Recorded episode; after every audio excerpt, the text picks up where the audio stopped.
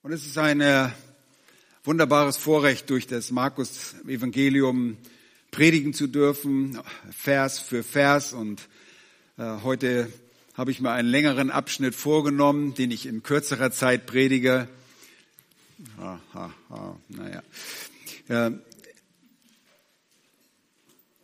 es ist alles irgendwie so wichtig, aber ich werde mir Mühe geben, heute diesen Text aus Markus 14, die Verse 12 bis 25, euch deutlich vor Augen zu malen.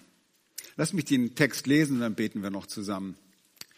Markus Kapitel 14 und dort von Vers 12. Da heißt es, und am ersten Tag der ungesäuerten Brote, als man das Passalam schlachtete, sprachen seine Jünger zu ihm, wo willst du, dass wir hingehen und das Passa zubereiten, damit du es essen kannst? Und er sendet zwei seiner Jünger und spricht zu ihnen, geht in die Stadt, da wird euch ein Mensch begegnen, der ein Wasserkrug trägt, dem folgt. Und wo er hineingeht, da sagt zu dem Hausherrn, der Meister lässt fragen, wo ist das Gastzimmer, in dem ich mit meinen Jüngern das Passa essen kann? Und er wird euch einen großen Obersaal zeigen, der mit Polstern belegt und hergerichtet ist. Dort bereitet es für uns zu. Und seine Jünger gingen hin und kamen in die Stadt und fanden es, wie er ihnen gesagt hatte. Und sie bereiteten das Passa.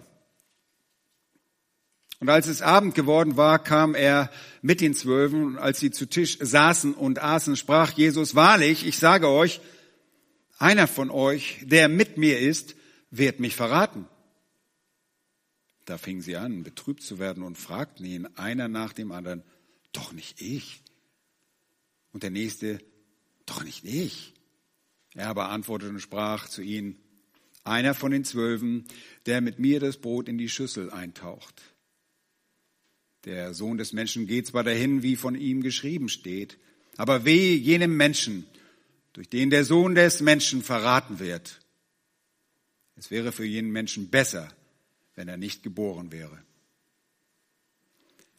Vers 22. Und während sie aßen, nahm Jesus Brot, sprach den Segen, brach es, gab es ihnen und sprach, nehmt es, dies ist mein Leib. Und er nahm den Kelch, dankte und gab ihnen denselben, und sie tranken alle daraus. Und er sprach zu ihnen, das ist mein Blut, das des neuen Bundes, welches für viele vergossen wird.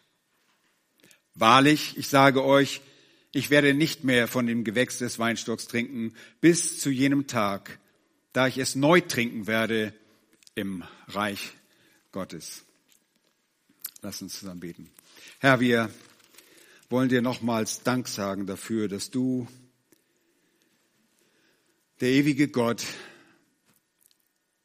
das ewige Wort Fleisch geworden bist, dass du auf die Erde gekommen bist, um ein perfektes, heiliges Leben zu führen, alle Gerechtigkeit erfüllt hast, das Gesetz erfüllt hat, bis zum letzten Moment. Du bist heilig und wie Daniel es sagte, in einer anderen Kategorie wie wir Menschen. Wir sind nicht heilig. Wir brauchen dich, um heilig zu sein, damit wir heilig sind. Danke für dein mächtiges Wort, das dazu in der Lage ist, uns zu erretten, um uns in die Position der Heiligen zu bringen, aber mehr noch als das, um uns auch in unserem Handeln, unserem Wirken heilig zu machen.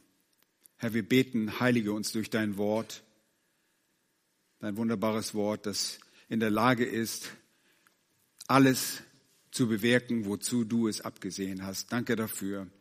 Und wir beten jetzt auch in diesem Gottesdienst, verherrliche dich, mach deinen Namen groß. In Jesu Namen beten wir. Amen. Ja, in diesem Kapitel 14 hatten wir uns zunächst die Akteure im Vorfeld der Verhaftung unseres Herrn Jesus Christus angesehen. Und das waren die letzten drei Sonntage, als wir uns damit beschäftigt haben. Es waren Feinde als auch Freunde sowie den Sohn des Verderbens, der von dem größten Feind Gottes beherrscht seinen ersten verräterischen Gang zu den religiösen Leitern der Juden antrat. Und jetzt schwenkt Johannes Markus seine Berichterstattung geschickt zurück auf Jesu Handeln mit dem engeren Jüngerkreis, ohne dabei die Entwicklung in Hinsicht auf den von Jesus angekündigten Tod zu verlieren. Im Gegenteil, er erweist allen Lesern einen großen Dienst, indem er Jesus in seinem gesetzestreuen Handeln als Diener der Beschneidung und als die ehrwürdige Gegenfigur des Passalammes aufzeigt. Er zeigt durch den Geschichtsverlauf das Handeln und Reden auf, wie der Schatten des Passalammes von dem Körper des Herrn verworfen wurde oder erfüllt wurde. Er ist das Lamm Gottes, sagte, ihr erinnert euch, Johannes der Täufer, Paulus sagt später im Korintherbrief in Kapitel 5, Jesus, unser Passalam, der Christus, unser Passalam, er ist das Lamm Gottes. Lasst mich das versuchen, vor euren geistigen Augen zu erklären, was hier geschieht. Zum einen, wir lesen gleich in Vers 12, es ist der erste Tag der ungesäuerten Brote als man das Passalam schlachtete. Nun, die Begrifflichkeit Passafest und Passa, äh, das Fest der ungesäuerten Brote sah man als Synonyme an. Denn an dem Passa aß man ungesäuerte Brote.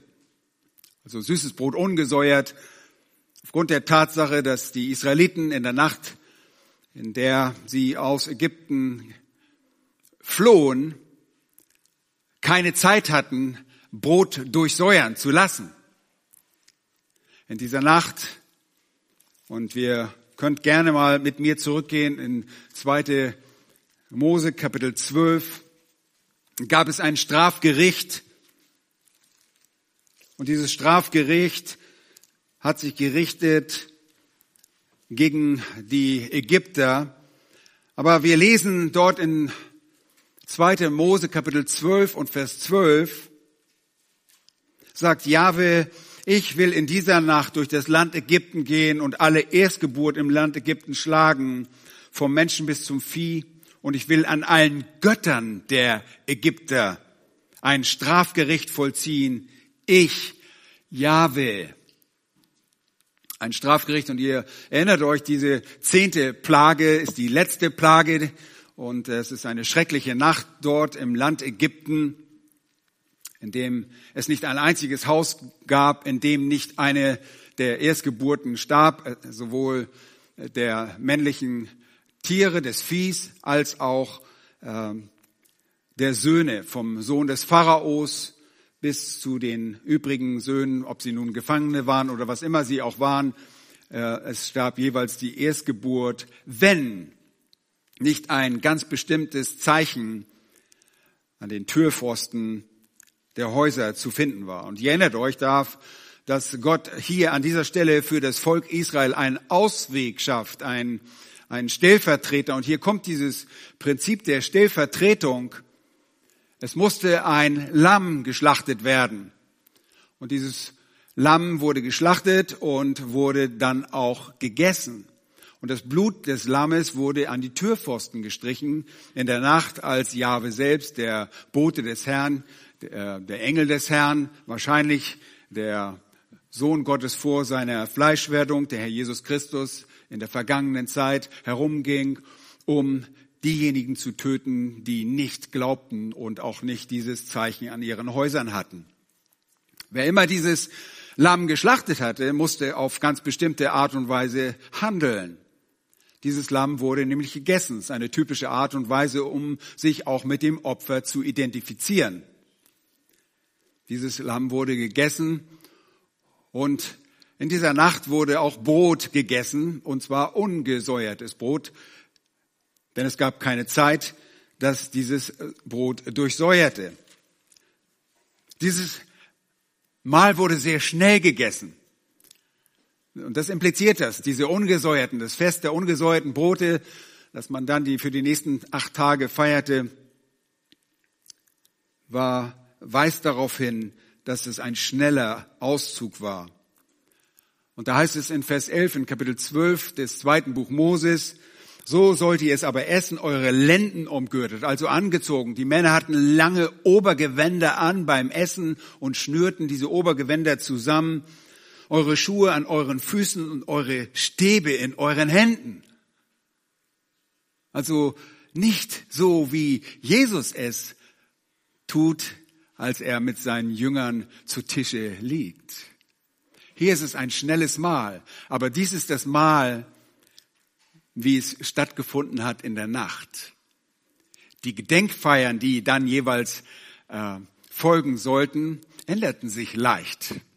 Und es ist sogar in der Schrift nachzufolgen. In dem zweiten Jahr können wir auch nachlesen, im vierten Buch Mose sehen wir dann im zweiten Jahr, äh, wie das Fest dort gefeiert wird auch mit anderen Opfern verbunden, die geopfert wurden. Also nicht nur ein Lamm, sondern auch die beständigen Opfer, die immer noch mit dargebracht wurden. All diese Dinge waren Schatten auf dem Weg zur Vollendung. So habe ich auch die Predigt betitelt. Schatten auf dem Weg zur Vollendung. Und da möchte ich etwas zu sagen zu diesem Schatten. Wir alle wissen, was Schatten ist. Dieses Wort wird vielfältig benutzt. Wenn mir jemand sagt, du hast wohl einen Schatten, dann weiß ich schon, was das bedeutet. Alles klar, braucht ihr mir nicht erklären.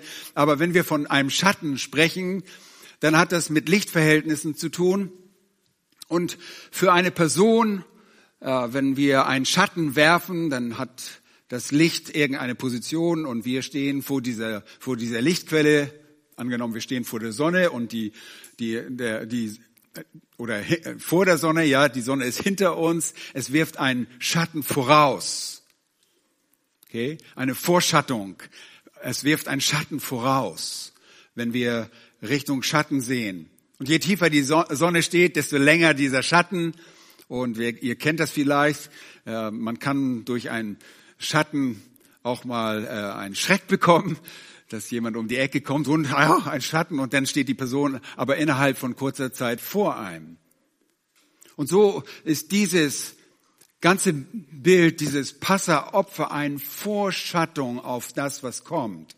Und die Schrift spricht auch deutlich davon, dass die Festtage, ähm, die Sabbate, die Neumonde und was immer man feiert, nur Schatten auf das eigentliche Wesen sind. Und da heißt es im Kolosserbrief, Kapitel 2, dass sie eigentlich ein ähm, Schatten sind von dem Leib, von dem Soma, so wie wir einen Leib haben und einen Schatten wirft, so haben diese Dinge einen Schatten geworfen.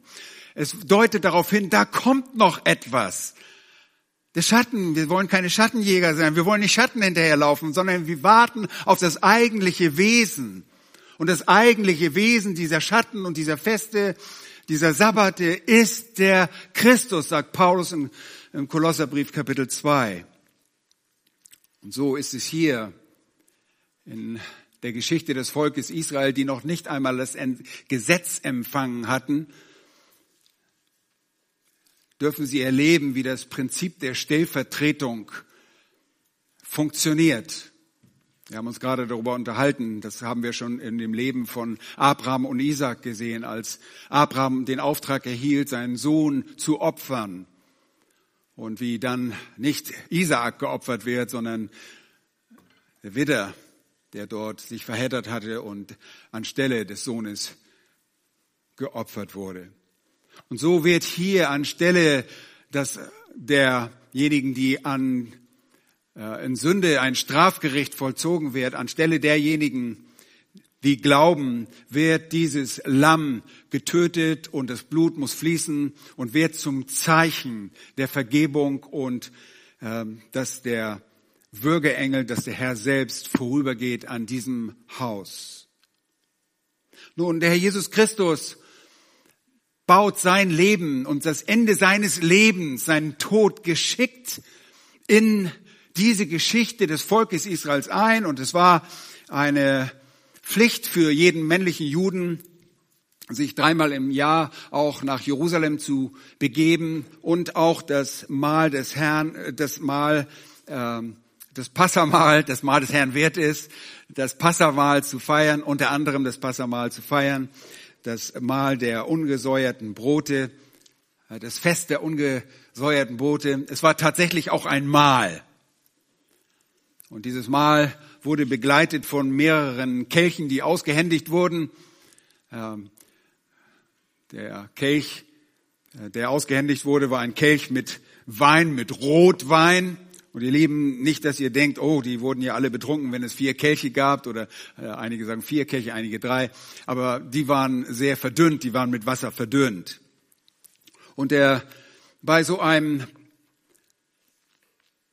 Passafeier wissen wir aus dem sogenannten Mishnah-Traktat der Pesachim, wie die Ordnung war, wie die Vorgehensweise, wie der Ablauf eines Passafestes war. Das wurde so festgehalten und zur Zeit Jesu dürfte sich das nicht so groß unterschieden haben.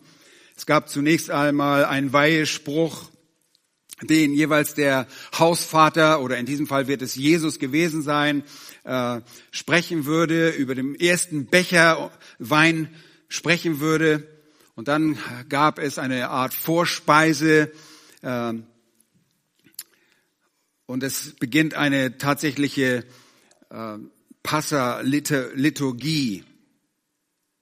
Und dann würde der Hausvater von dem Sohn gefragt werden, worin unterscheidet sich diese Nacht von allen anderen Nächten?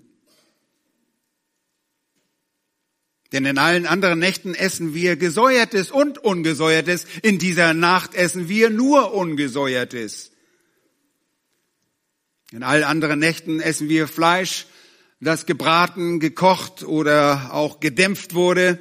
In dieser Nacht essen wir nur gebraten. Warum ist das so? Und der Hausvater würde erklären, warum dieses ungesäuerte Brot aufgrund der Eile mit der das Volk Israel aus Ägypten aufbrechen musste, dieses Fest feierten. Sie hatten keine Zeit, würde man sagen. Und dann gab es dazu auch bittere Kräuter. Und diese Kräuter wiesen darauf hin, auf die bittere Zeit des Lebens der Vorväter in Ägypten, wo sie 400 Jahren, vier Generationen zubrachten in Knechtschaft. Und an diesem Fest durfte also nur gebratenes Fleisch genossen werden. Und auf diese Weise wurde das ähm, Fest begangen. Aber es bewirkte eigentlich nichts, außer dass es ein, eine Gedenkfeier war. Es war eine Gedenkfeier zurück an das, was Jahwe Gott getan hatte in dieser wunderbaren Nacht und es war ein sehr wichtiges, sehr, sehr wichtiges Fest bei den Juden. Und jetzt kommen wir in Markus 14 zu der letzten Feier, der letzten legitimen Feier dieses Passafestes, bevor es eine neue Bedeutung kommt. Der Schatten endet. Der erste Punkt ist, der Schatten des Passafestes wird im Tod des Christus vollendet. Es wird vollendet. Der Schatten hört auf. Nun, ihr werdet sicherlich in der Schrift noch sehen, dass es noch weitere Passafeiern geht, aber diese Feiern sind hinfällig geworden, denn jetzt wird eines größeren Passalammes gedacht und das ist der Herr Jesus Christus. Und ich bin mir sicher, dass die Verantwortlichen in Jerusalem, vor allen voraus Jakobus, der, der einer der großen Säulen dort in der Gemeinde war und Johannes, zu den übrigen Gläubigen gesagt hat, hey Leute, kommt, kommt weiterhin zu diesem Passafest. Das ist die Gelegenheit, hier zu evangelisieren und zu erklären, wer das ultimative Passalam ist. Nun, lasst mich etwas zu der Vorbereitung sagen, wie wir es hier sehen. Jesus baut es sehr geschickt ein. Er erfüllt das Gesetz, er hält dieses Passa ein. Und die Zeiteingabe hat schon viele Leute durcheinander gebracht am ersten Tag der ungesäuerten Brote. Äh, Moment, wir haben doch jetzt erst den Donnerstag. Wie kann das sein?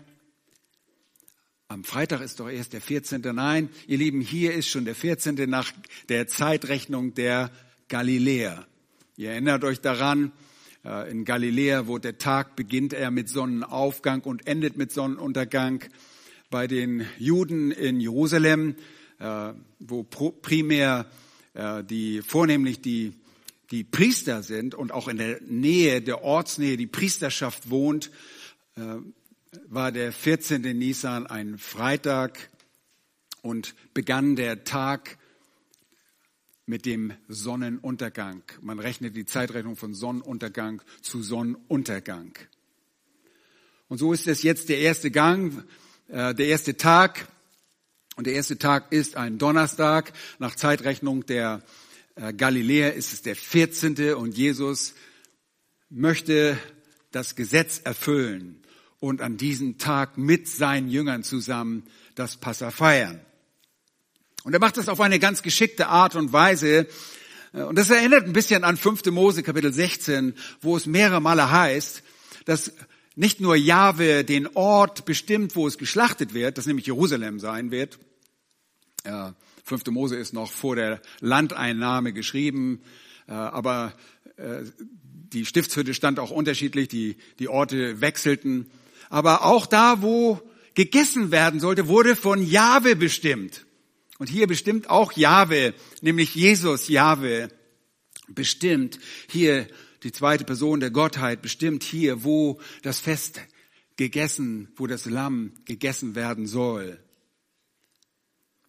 Und die Jünger fragen ihn, wo willst du, dass wir hingehen? Und er macht es so geschickt, denn er weiß, der Feind sitzt in den eigenen Reihen und er macht es so, dass es geheim bleibt, wo dieser Ort ist. Er schickt zwei seiner Jünger, nämlich Petrus und Johannes, könnt ihr nachlesen in Lukas Kapitel 22 und dort Vers 8. Diese beiden ziehen los und sie erhalten deutliche Anweisungen darüber, was sie vorfinden werden. Der Herr hatte sich offensichtlich darüber Gedanken gemacht und wir können auch sehen, wie er seine Allwissenheit hier zum, zum Tragen kommt. Da heißt es nämlich, wenn ihr in die Stadt geht, da wird ein Mensch euch begegnen, der einen Wassertrug trägt. Nun, das ist nicht abgesprochen. Die haben keine Stoppuhr gehabt und gesagt, so, du gehst jetzt raus und trägst den Wasserkrug um diese Zeit. Äh, übrigens war das die Aufgabe der Frauen, die Wasserkrüge zu tragen. Tut mir leid, aber es war so. Und das war sehr auffällig, dass hier ein Mann den Wasserkrug trägt. Und so war das das Zeichen. Und sie sollten ihn fragen, der Meister lässt fragen, wo ist das Gastzimmer, in dem ich mit meinen Jüngern das Passa essen kann? Und sicherlich war das äh, etwas, was der Herr arrangiert hat. Wie und wie wie er das getan hat, das wissen wir nicht genau. Darüber schweigt die Schrift. Und er wird euch einen großen Obersaal zeigen. Und das ist nicht äh, notwendigerweise der Obersaal, an dem sich die Jünger immer getroffen haben. Ich denke, es war ein Ort, der den Jüngern nicht bekannt war und so auch dem Judas verhinderte, ihn vorzeitig schon am Donnerstag den obersten Priestern zu verraten. Der Verrat sollte stattfinden, aber nicht nach dem Takt, den Judas vorgeben würde, sondern erst auf Befehl des Herrn bei diesem Mahl würde Judas aufstehen, um das zu tun. Und seine Jünger gingen hin und kamen in die Stadt und fanden es, wie er ihnen gesagt hatte, und sie bereiteten das Passa. Und das Passa wurde nicht irgendwo zu Hause geschlachtet, es musste im Tempel geschlachtet werden. Es durfte nicht zwischen den Toren der eigenen Wohnung geschlachtet werden, sondern es musste dort im Tempel geschlachtet werden. Und äh, ich sag euch, es wurden viele tausende Passalämmer geschlachtet. Und ohnehin wurden die äh, gängigen Opfer auch noch geschlachtet. Morgens ein Lamm und abends ein Lamm war sowieso gängig diese Opfer wurden weiterhin geschlachtet. Aber hier sehen wir, dieses Passalam musste geschlachtet werden und dann zubereitet werden. Geschlachtet wurde es, die Schrift sagt im Alten Testament, zwischen den Abenden. Das ist ein Ausdruck, den, der so ausgelegt wird, dass es zwischen äh, Uhr und sechs Uhr Man hatte keine Uhren, man hat vor dem Sonnenuntergang sollte das geschlachtet sein und dann nach dem Sonnenuntergang sollte dieses Passa verzehrt werden.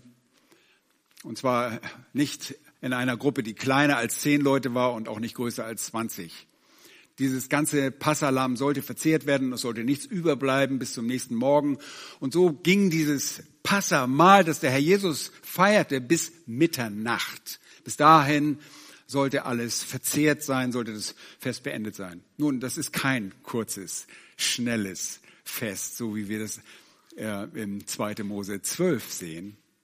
Der Jesus hat in dieser Nacht, als er verraten wurde, den Jüngern so viel beigebracht.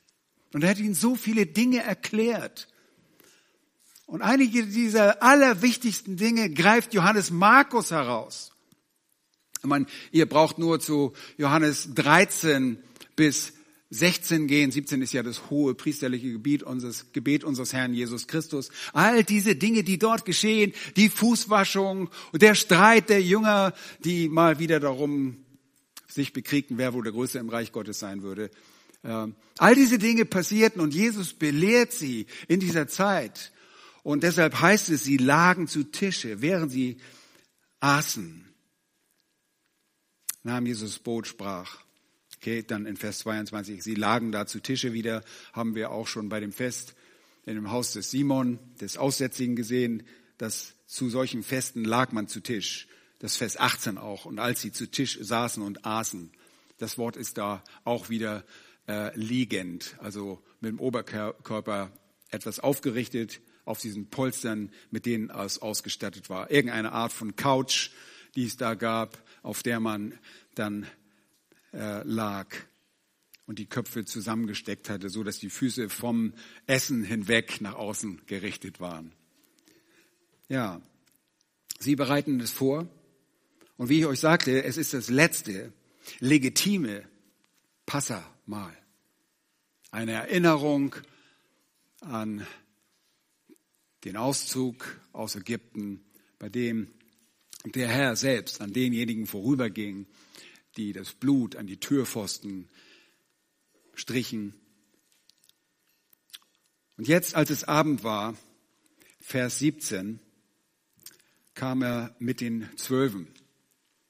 Und ob die beiden Jünger, die das vorbereitet hatten, da geblieben sind, hier könnte man annehmen, dass alle zwölf können, aber möglicherweise ähm, ist es nur ein feststehender Begriff für die Jünger, denn sie waren insgesamt 13 mit Jesus. Äh, Judas ist noch dabei. Judas ist noch dabei. Und als es Abend geworden war, kam er mit den Zwölfen und als sie zu Tisch saßen und aßen, sprach Jesus, wahrlich, ich sage euch, einer von euch, der mit mir ist, wird mich verraten. Okay, jetzt kommt die Ankündigung des Verrates. Und es geht in 22 weiter. Ich bin noch nicht mit meinem ersten Punkt fertig. Und während sie aßen, nimmt Jesus das Brot und sprach den Segen. Das ist dieses Segensgebet, das zu Anfang bei dem ersten Kelch gesprochen wurde. Und dann folgte bei diesem Passamal gewöhnlich, äh, wurde dann das ein Teil des Hallels gesungen. Äh, Hallel steht für Halleluja, für Preisen, Jahwe, Jahwe zu preisen. Äh, das Hallel, Psalm 113 und 114 ist der erste Teil. Der wurde dann normalerweise gesungen zu diesem Zeitpunkt. Und dann wurde der zweite Becher, der zweite Kelch getrunken. Nun erst wird das Hauptmahl gehalten. Und dann wird das Hauptmahl gehalten danach. Das mit dem Tischgebet des Hausvaters, beziehungsweise das Jesus wohl dann auch geleitet hat, eingeleitet. Mit ungesäuertem Brot. Und dann wurde das Passalam gegessen mit ungesäuertem äh, Brot und Bitterkräutern. Und dann gibt es ein weiteres Gebet über einen dritten Kelch. Also das Mahl ist ein tatsächliches Mahl. Das gleiche auch nach dem Mahl, also das, das ist ein tatsächliches Mahl, nämlich das Mahl des Passa, das sie gegessen haben, das Fleisch dieses Lammes, dieses einjährigen Lammes, das unfe äh, makellose Lamme, Lammes, das sie gegessen haben. Und dann gab es diesen dritten Kelch und der das ein, ein gewisses Ende setzt zu dem.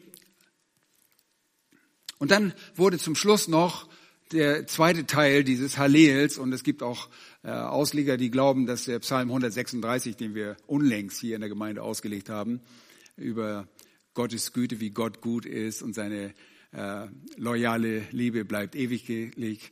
Ähm, ihr erinnert euch daran, dass 26 Mal wiederholt wird. Das zählen einige dazu, zu diesem ägyptischen Hallel. Das ist das ägyptische Hallel, da wird nämlich auch der Auszug aus Ägypten betont.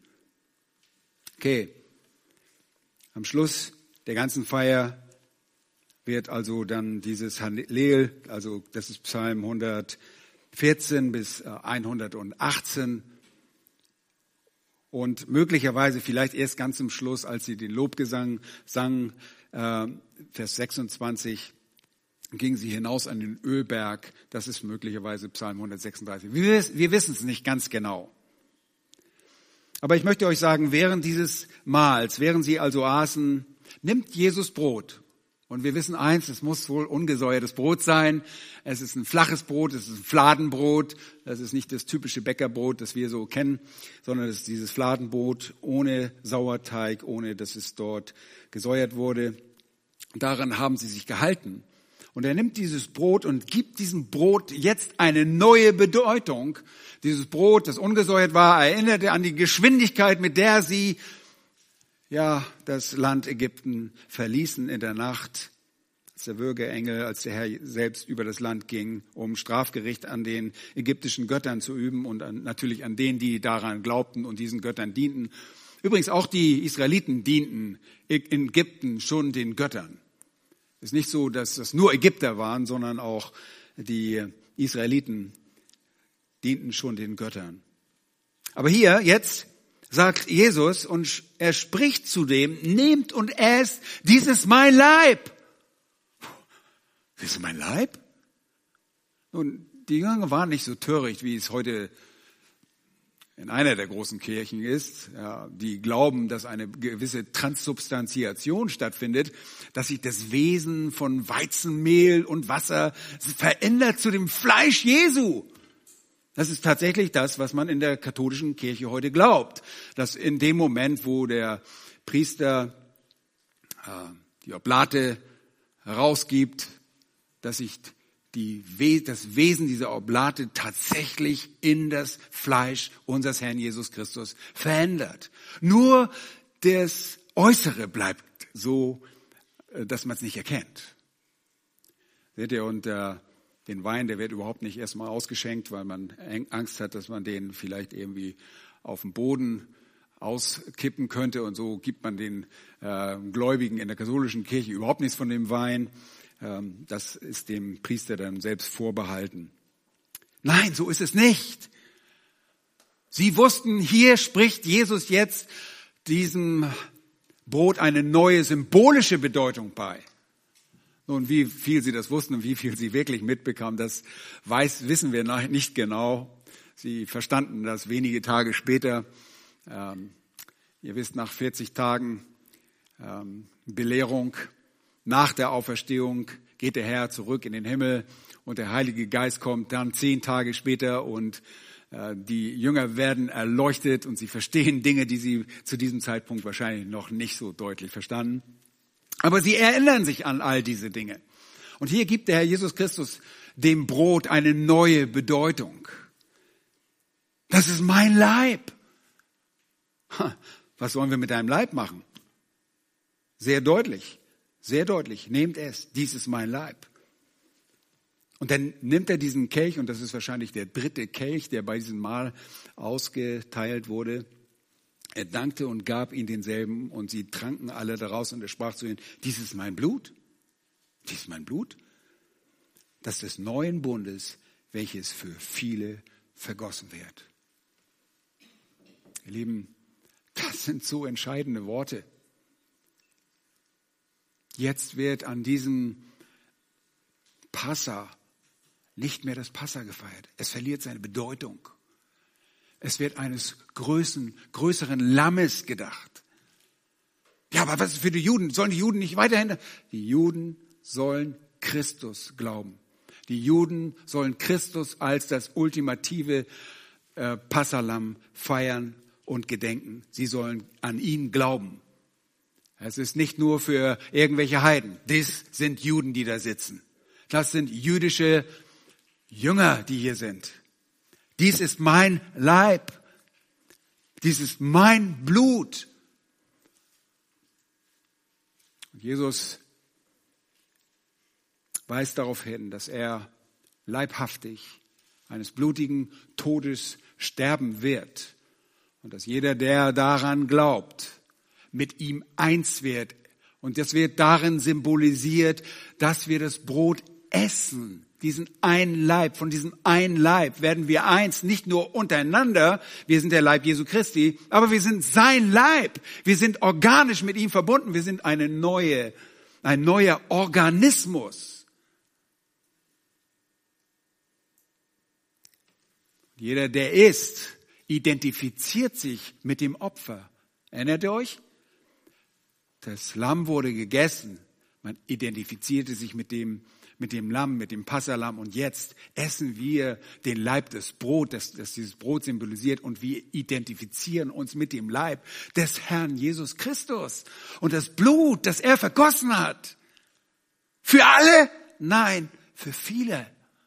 Für viele. Warum denn nicht für alle? Oh, da kommen wir in Schwierigkeiten, wenn wir das einigen Leuten sagen, oh, Jesus ist nur für einige gestorben. Er ist für alle die gestorben, die glauben werden. Okay? Weil nur diejenigen, die glauben werden, wird, denen wird vergeben werden. Für den wird, für diejenigen wird das Blut vergossen und sie erfahren Vergebung. Ja, aber potenziell ist er doch für alle gestorben. Nein, er ist auch nicht potenziell für alle gestorben. Jesus wusste genau, für wen er stirbt. Er wusste ganz genau, für wen er stirbt. Dies ist mein Blut und jetzt fällt dieses Wort des neuen Bundes. Oh, sie alle wussten, was der alte Bund ist. Das sind hartgesottene Juden, das sind religiöse Juden. Sie, und wir haben dem Herrn sei Dank in der Schriftlesung schon ein bisschen Vorgeschmack bekommen, 2. Mose 20, aber in 2. Mose 24 lesen wir von dem alten Bund, von dem Bund am Sinai, wie er mit Blut von Böcken von jungen Jungstieren und Böcken ratifiziert wurde. Das war Blut, das immer wieder vergossen werden musste. Dieser Bund wurde mit Tieropferblut besiegelt. Der neue Bund der im, Neuen Test, im Alten Testament auch gelehrt wird. Ihr könnt das nachlesen. Wir haben nicht ganz die Zeit dafür, das alles in Detail zu gehen, aber der neue Bund spricht davon, dass Gott uns das Gesetz in die Herzen schreiben wird, den Israeliten. Und es ist ein speziell ein Bund, der geschlossen wird mit dem Haus Juda und mit dem Haus Israel, mit dem vereinigten Israel. Es ist ein Israel. Dieser neue Bund könnt ihr nachlesen, also Hesekiel 36, die Sprache, die dort ist, spricht sehr, ist, ist äh, neue, ist Bundessprache des neuen Bundes, aber auch in Jeremia 31, dort die Verse 31 bis 34 könnt ihr nachlesen, insbesondere dort, aber darüber hinaus spricht es von diesem neuen Bund, dass wir ein Gesetz auf unser Herzen geschrieben bekommen, dass die Israeliten das bekommen. Und hier ist die Grundlage der der Bund in meinem Blut. Dieser neue, dieses neue Verhältnis zu Christus wird hier besiegelt durch den Tod. Und nun, er kündigt das an. Er kündigt das an. Wann passiert es? Am nächsten Tag. Jetzt ist er im Begriff, mit seinen Jüngern zu, zu feiern, das Passa zu feiern. Er nimmt sich die Zeit. Sechs Stunden vom Sonnenuntergang, 6 Uhr bis Mitternacht, so lange wird es gegangen sein, hat es sie belehrt. Und es, er hat sich danach gesehnt, mit einer großen Sehnsucht, das ist emphatisch an dieser Stelle, wo es gesagt hat, er hatte sich, er sehnte sich mit ihnen, das Mahl zu, zu halten, zu feiern. Und er unterweist sie. Und er bereitet sie vor auf seinen Weggang und redet vom Heiligen Geist, den er senden würde. Und dass es gut ist, dass er gehen würde. Und sie verstehen alles nicht. Sie verstehen immer noch nicht alles äh, und sie fangen an, sich wieder zu, äh, zu kappeln darüber, wer ist der Größte im Reich. Und dann gibt Jesus ihnen sogar noch die Lektion. Wir wissen nicht genau die Chronologie der Dinge, wie sie abgelaufen sind an diesem Abend. Es ist auch nicht ganz so entscheidend, das alles zu wissen. Aber was da stattgefunden ist, könnt ihr selbst nachlesen. Johannes 13 bis Kapitel 16 und dann das hohe priesterliche Gebet unseres Herrn Jesus Christus und Kapitel 17. Von da aus geht es dann über den Winterbach Kidron, das Kidrontal im Osten des Tempels. Und er geht dort nach Gethsemane. Davon werden wir auch beim nächsten Mal hören. Nun, dieses, dieser neue Bund ist das Bund in seinem Blut. Das ist mein Blut, das des neuen Bundes. Und jeder, der sich damit identifiziert, der glaubt, dass Jesus Christus gestorben ist, nämlich stellvertretend, weil wir ein Strafgericht unterliegen, genauso wie eins im Alten Testament wäre, die Ägypter, die ägyptischen Götter, die dort Götzendienst betrieben. Dort kam ein Strafgericht und das jeden getroffen hätte, der nicht das Blut des Lammes an die Pfosten gestrichen hätte. So muss jedes, jeder Sünder, denn uns alle muss das Strafgericht der Sünde treffen, die Bibel macht das sehr deutlich. Römer 3, es ist kein Unterschied, sie sind allzumal Sünder, das sind wir alle und Mangel des Ruhmes, der Herrlichkeit, die wir bei Gott haben sollten. Wir kommen, reichen niemals an die Herrlichkeit Gottes an. Wir sind der Sünde schuldig. Und dann sagt er in Römer 6, Vers 23, der Lohn der Sünde ist der Tod. Das ist das Strafgericht. Das ist nicht der physische Tod, das ist die ewige Trennung von Gott. Das ist der Verdienst im Gegensatz zur zweiten Hälfte, dass die Gnadengabe das ewige Leben ist. Aber wir alle, jeder einzelne von uns hat den ewigen Tod verdient. Das ist das, wenn man von Lohn spricht. Das ist das Strafgericht, das jeden Sünder erwartet. Es sei denn, du identifizierst dich mit diesem Opfer des Herrn Jesus Christus und glaubst, dass er leibhaftig und blutig am Kreuz gestorben ist und nach drei Tagen auferstanden ist. Das Evangelium muss in diesem Kontext verstanden werden. Und so wie das Lamm vorschattet, dass ein größeres Lamm kommt, so müssen wir heute glauben, wie einst die Israeliten glaubten und gedachten dieses Lammes und der Erlösung aus Ägypten, aus der Knechtschaft. Wir gedenken unserer Erlösung aus der Knechtschaft der Sünde. Und wir danken dem Herrn, dass er uns errettet hat. Aufgrund der Gerechtigkeit die er erwirkt hat. Und wisst ihr, was hier passiert? Wenn er stirbt und der Tod steht unmittelbar bevor, er wird nicht von irgendeinem Judas umgebracht, er wird nicht von den Römern umgebracht, er wird nicht von den Juden umgebracht, sondern der Vater selbst. Ihm gefiel es, seinen Sohn zu strafen. Das Zorngericht des Vaters gegen seinen eigenen Sohn er geht auf Golgatha auf den Sohn. Er trägt den ganzen Zorn des Vaters aufgrund der Sünde, die du und ich und jeder in dieser Welt begangen hat. Der einzige Weg, um diesem Zorngericht zu entgehen, dem ewigen Tod, ist der Glaube, dass Christus dir und mir eine Gerechtigkeit erwirkt hat in einem perfekten Leben, das dann bestraft wurde. Er wurde behandelt, als hätte er dein oder mein Leben geführt. Und er wurde, mir wurde oder dem Glaubenden wird die Gerechtigkeit zugeschrieben, die Jesus allein besitzt. Wir haben keine inhärente, also keine wesensmäßige in uns wohnende Gerechtigkeit. Es ist die Gerechtigkeit unseres Herrn Jesus Christus, die er allein uns zuschreibt durch den Glauben an diesen Tod. Und das ist die Bedeutung, wenn wir diesen Leib sehen, dieses Brot. Denkt beim nächsten Mal des Herrn daran. Wir sind mit ihm so vereint. Wir sind eins. Wir sind sein Leib. Wir vollenden das, was er hier nicht zu Ende gebracht hat. Wir sind das, was er angefangen hat, wollen wir hier vollenden auf dieser Erde. Wir sind deshalb auch gemeinsam nur vollständig, wenn wir ein Leib sind und uns unter das Haupt, Christus, das Haupt der Gemeinde, beugen.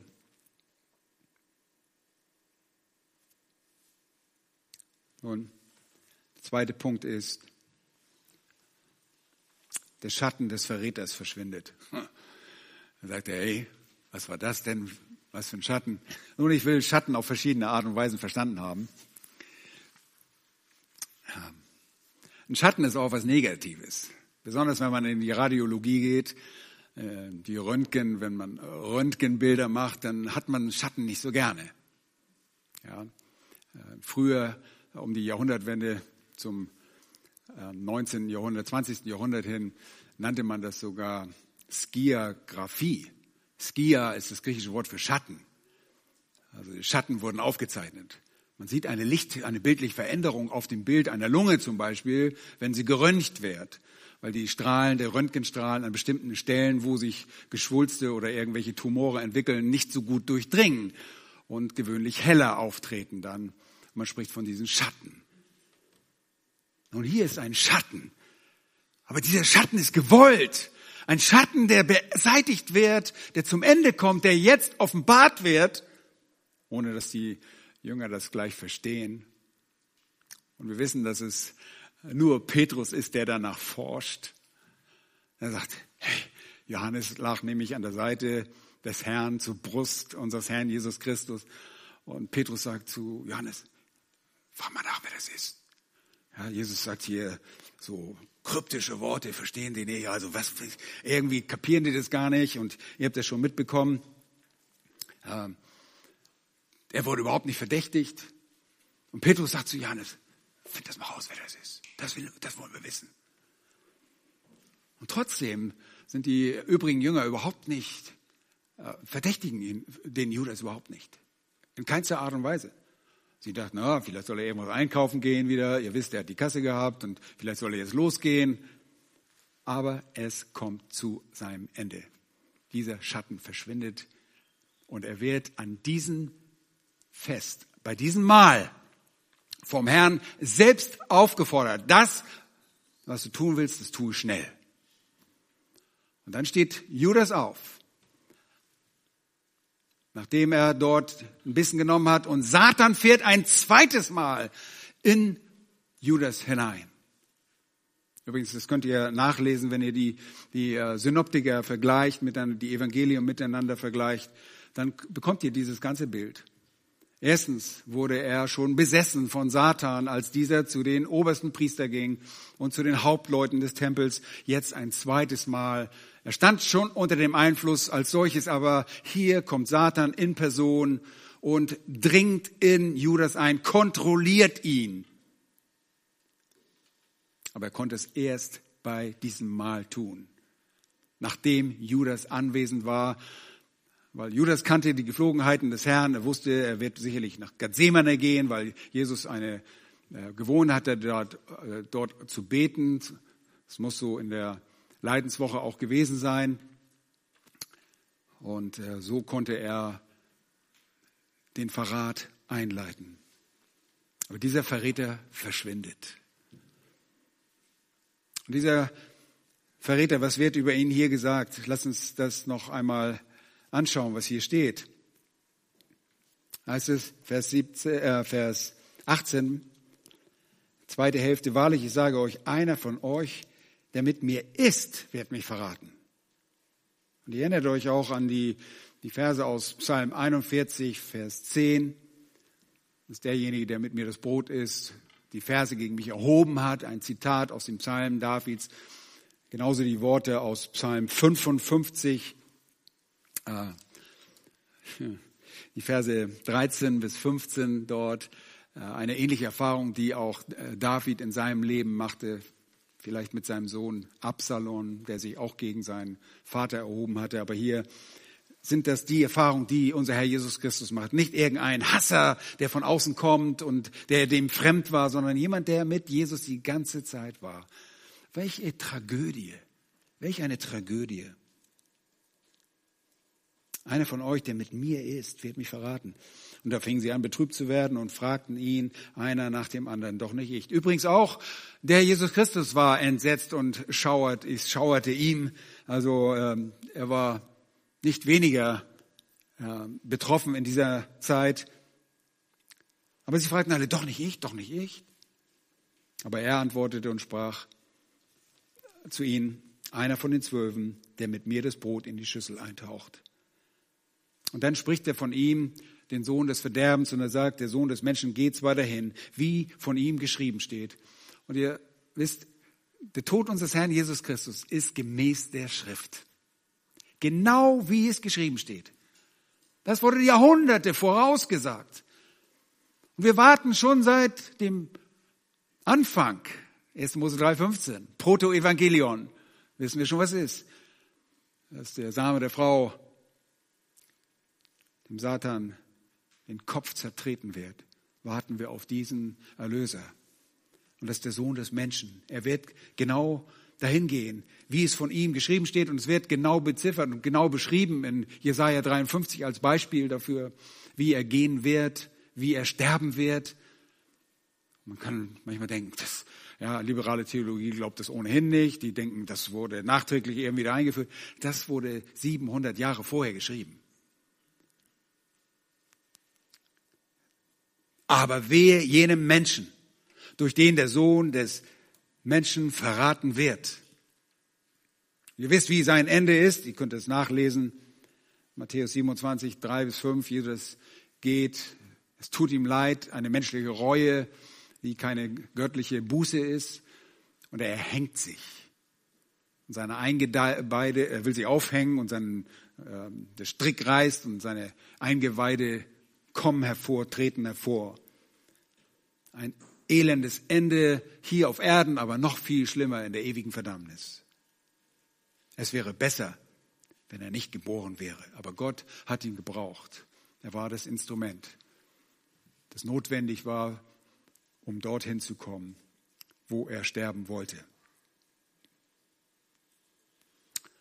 Und damit es auch eine kurze Predigt ist, kommen wir zu Punkt drei: Die Schattenfreiheit der Reich Gottes Gemeinschaft wird deutlich und macht der Herr hier deutlich.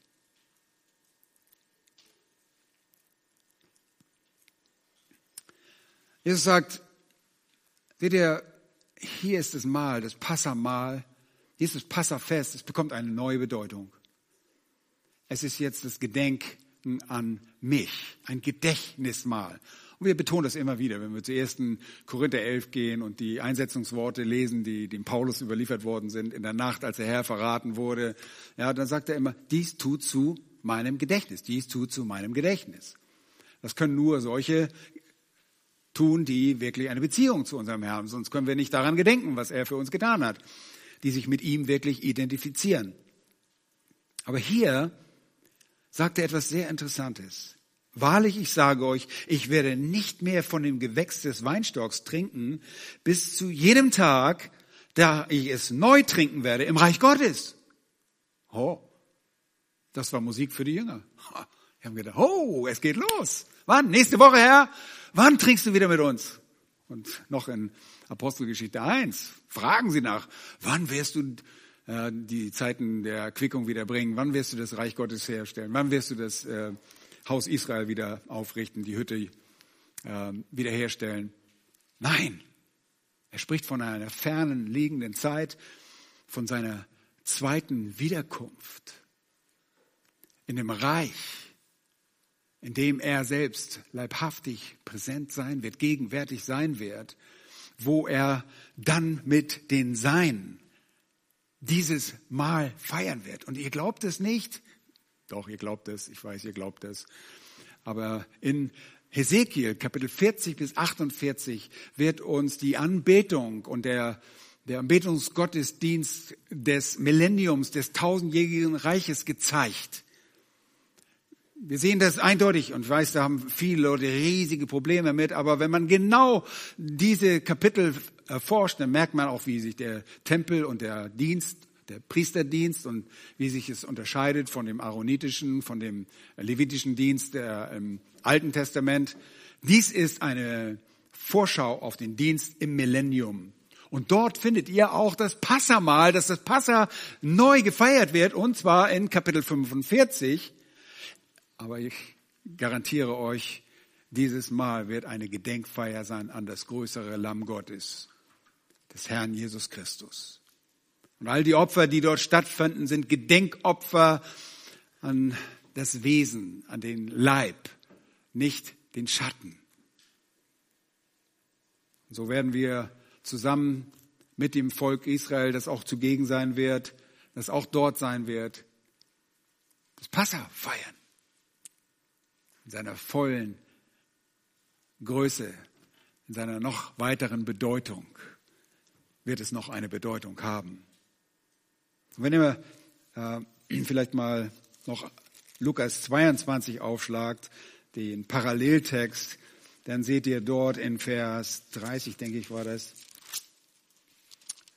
Ja, Vers 28 sagt er zu seinen Jüngern, als sie sich wieder gestritten hatten, da heißt es, äh, dass er dann sagt, ihr seid die, welche mit mir ausgeharrt haben in meinen Anfechtungen. Und so übergebe ich euch ein Königtum, wie es mir mein Vater übergeben hat, so dass ihr an meinem Tisch in meinem Reich essen und trinken und auf Thronen sitzen sollt, um die zwölf Stämme Israels zu richten. Ho, das war nochmal Musik für die Jünger. Aber hier sitzen sie gemeinsam an Tischen, an einem Tisch mit ihrem Meister. Und der Herr wird gemeinsam mit ihnen das Gewächs des Weinstockes trinken. Aber bis dahin wird er es nicht tun. Er wird nicht mehr diesen Kelch trinken, dieses, dieses Weingetränk in Erinnerung an weder das Passalam noch als Anlass für seinen neuen Bund. Leben, so sehen wir hier, dass es da keine Schatten mehr gibt. Es ist die absolute Erfüllung in dem Reich Gottes, auf das auch wir warten. In, Reich, in dem Reich, in dem er herrscht, mit, in dem wir mitherrschen mit Christus. Ein Reich des Friedens, den wir uns alle so sehr wünschen. Ein Reich der Gerechtigkeit. Ein Reich, in dem der Herr Jesus Christus mit eisernem Staat regiert und Ungerechtigkeit sofort bestraft wird. Ihr Lieben, das ist unser wunderbarer Vollender. Er verweist hier auf das unmittelbar bevorstehende Ende dieser Ära von Schatten.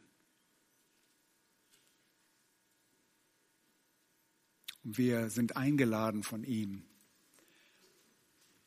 darüber nachzudenken, was es bedeutet, eine neue Identität zu haben, Christen zu sein, kleine Christusse zu sein, sich mit ihm zu identifizieren. Christen, so wurden die Jünger in Antiochia zuerst genannt. Jünger Christi, Nachfolger. Wir identifizieren uns mit dem, was er tat am Kreuz, was er sprach. Und wir sind eingeladen, darüber nachzudenken, was er tat damit wir den Auftrag erfüllen, den er uns gegeben hat, nämlich Boten an seiner Stadt zu sein. Boten an Christi Stadt. Das ist so wichtig. Das hängt an uns. Das ist nicht irgendwie noch eine zweite Truppe im Hinterhalt oder so, die einspringt, wenn wir Versager nicht in die Pötte kommen. Wir sind die Leute, denen das Evangelium anvertraut worden ist und wenn wir es nicht weitersagen, dann werden wir darüber ins Gericht gehen müssen. Das ist unser Auftrag. Lasst uns darüber nachdenken. Gleichzeitig sind Menschen eingeladen, zu glauben. Jesus sagt, glaubt an mich. Glaubt meinem Vater, denn das, was er tut, sind nicht mal seine Werke und seine Worte. Er sprach nur die Worte des Vaters und tat die Worte des Vaters. Glaubt mir um meiner Werke willen, sagt er. Wenn ihr mir schon nicht glaubt, glaubt um meiner Werke willen. Guckt euch das an. Lest die Schrift. Wenn ihr das nicht tut, dann macht ihr Gott zum Lügner. Überdenkt die Kosten. Du wirst in die ewige Verdammnis gehen. Das Strafgericht ist ein ewiges Strafgericht in der ewigen Verdammnis. Da gehört nur der Teufel hin mit seinen ganzen Nachfolgern. Bist du ein Kind des Teufels oder bist du ein Kind Gottes? Und wenn du es nicht bist, dann beuge heute deine Knie.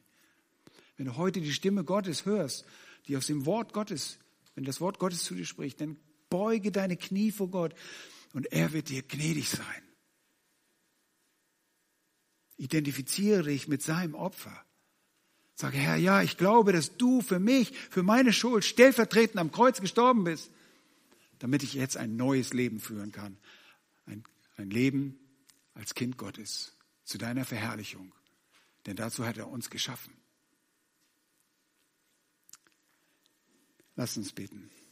Herr, wir sind dir von Herzen dankbar